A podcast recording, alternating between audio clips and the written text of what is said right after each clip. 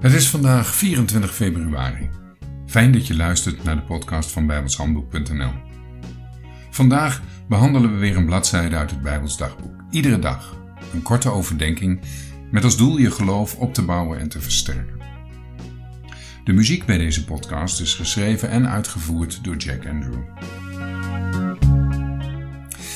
Ik wil vandaag beginnen met het lezen van 1 Korinthe 2 vers 14, waar staat maar de natuurlijke mens begrijpt niet de dingen die des geestes God zijn, want ze zijn hem dwaasheid, en hij kan ze niet verstaan, omdat ze geestelijk onderscheiden worden. De natuurlijke mens, hoe intelligent ook, kan dit niet begrijpen. We kunnen de wijsheden Gods alleen begrijpen als we de geest van God hebben ontvangen.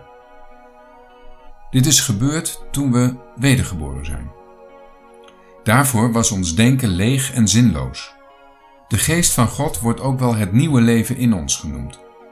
En die kan wel onderscheid maken tussen natuurlijk en geestelijk denken.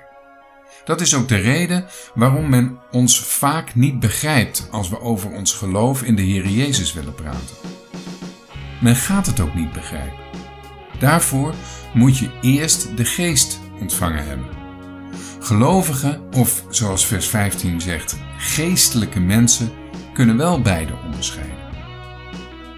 In 1 Johannes 5, vers 20 staat: Doch wij weten dat de Zoon van God gekomen is en heeft ons het verstand gegeven dat wij de waarachtige kennen.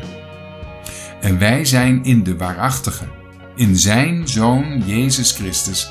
Deze is de waarachtige God en het eeuwige leven.